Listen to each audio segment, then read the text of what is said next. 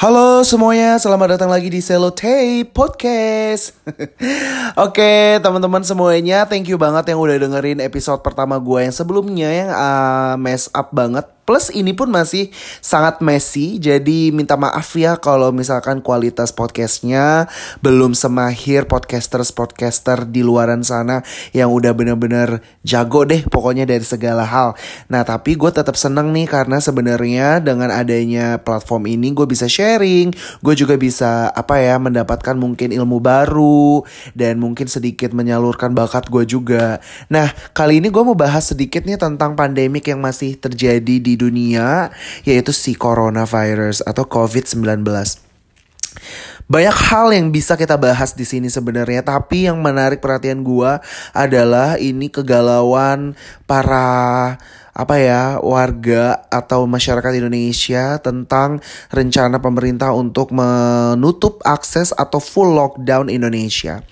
Nah, agak menarik menurut gua karena gini, lockdown itu sendiri kan sebenarnya pengertiannya kalau secara harfiah benar-benar menutup semua akses kayak 100% tidak ada akses sama sekali di publik ya kan? Supermarket bakal nggak ada pasar-pasar tradisional tutup toko obat tutup which means kita sebenarnya bakal diharuskan untuk stock up uh, groceries. Nah Hal ini yang sebenarnya belum bisa dipastikan. Kalau menurut gue pribadi ya, ini adalah pendapat gue straight to the point bahwa di Indonesia menurut gue untuk stock up uh, groceries, kemudian bahan makan dan lain sebagainya itu cukup sulit karena tidak semua orang pertama mampu.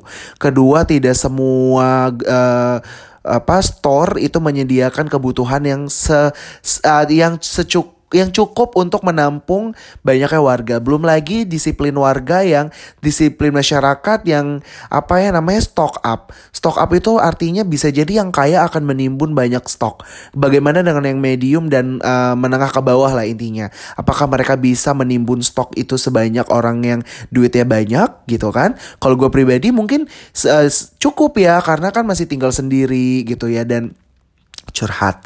Dan yang pasti uh, maksudnya kayak ya simpel lah bisa diatur. Tapi yang udah berkeluarga gimana? Nah itu yang yang sebenarnya banyak dipikirkan oleh pemerintah secara segi stok misalkan. Belum lagi secara segi penghasilan dan juga subsidi. Kalau kita ngomongin subsidi atau subsidi gitu ya government kan punya banyak program.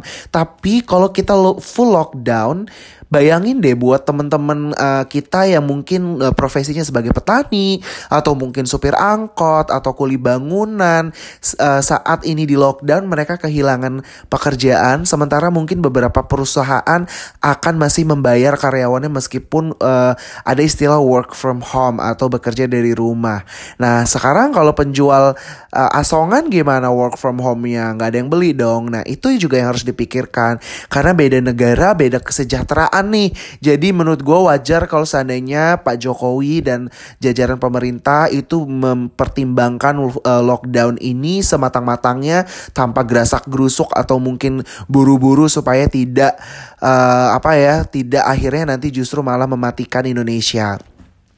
But on top of everything, gue merasa bahwa yang sudah dilakukan pemerintah daerah, kemudian pemerintah pusat, ini sudah cukup baik karena mereka sudah merespon dengan cepat ya aksi-aksi untuk menangani virus corona ini. Mulai dari pengobatan uh, teman-teman yang terjangkit virusnya mulai dari yang dua korban pertama di Depok.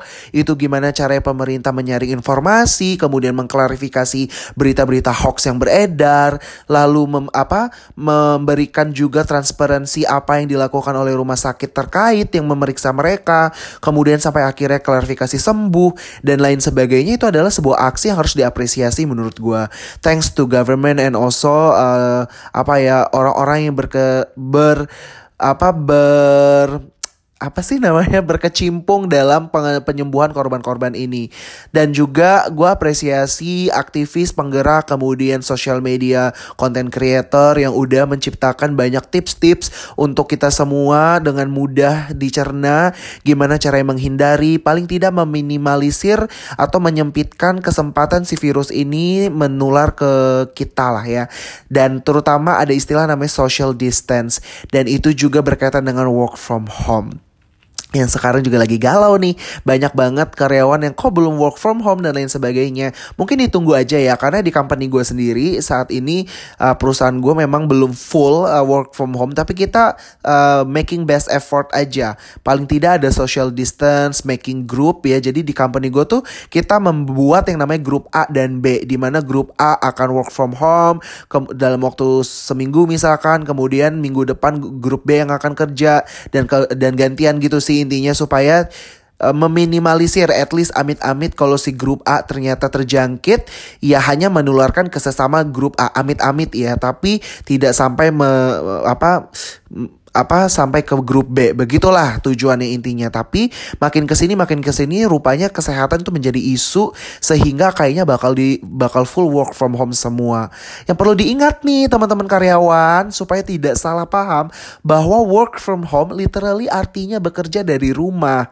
Jadi emang kerja sih mindsetnya emang kerja aja jadi bukan liburan.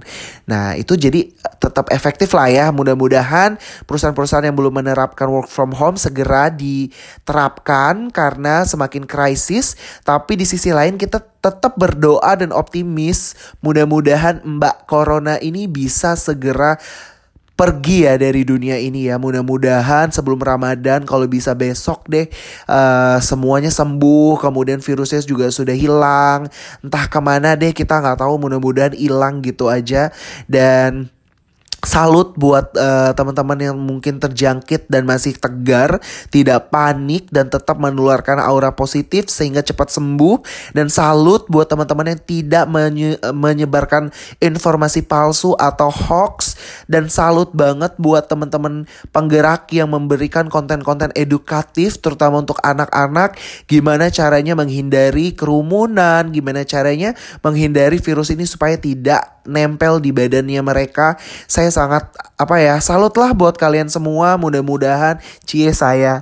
Lagi bahas serius gini terus tiba-tiba eh, ngomong saya. Sorry ya guys gue salut lah intinya sama kalian semua thank you banget mudah-mudahan Indonesia sehat terus dan dunia cepat membaik, cepat pulih, ekonomi cepat na uh, cepat stabil, dolar dan rupiah se segera damai ya, tidak lagi naik. Sekarang 16 ribu satu dolar itu tinggi banget. Mudah-mudahan semuanya stabil. Oh ya satu lagi yang lebih penting adalah gue mau sharing gue harusnya berangkat ibadah ke Mekah nih uh, minggu ini tapi harus ditunda. Nah gue mewakili ribuan ratusan ribu jamaah di dunia yang sekarang sedang apa yang menunda mimpinya untuk ke Baitullah ke Mekah. Mudah-mudahan segera selesai urusan corona dan kita bisa sama-sama menunaikan ibadah. Buat teman-teman yang sudah menunda travelingnya atau mengcancel acaranya, mudah-mudahan semuanya berjalan dengan lancar. Yuk kita berdoa teman-teman di podcast kali ini. Gue cuman bener-bener mau sharing aja dan berdoa. Mudah-mudahan si corona bisa segera musnah Dan kita diberi kesehatan dan keselamatan dan kelancaran semuanya. Thank you semuanya ya. Kalau teman-teman punya ide buat podcastnya si Tape Ini berikutnya bakal bahas apa? Silahkan DM gue di Instagram Instagram.com garis miring SS Prabowo. Thank you so much for listening to my podcast. See you in the next Sellotape podcast. Bye bye.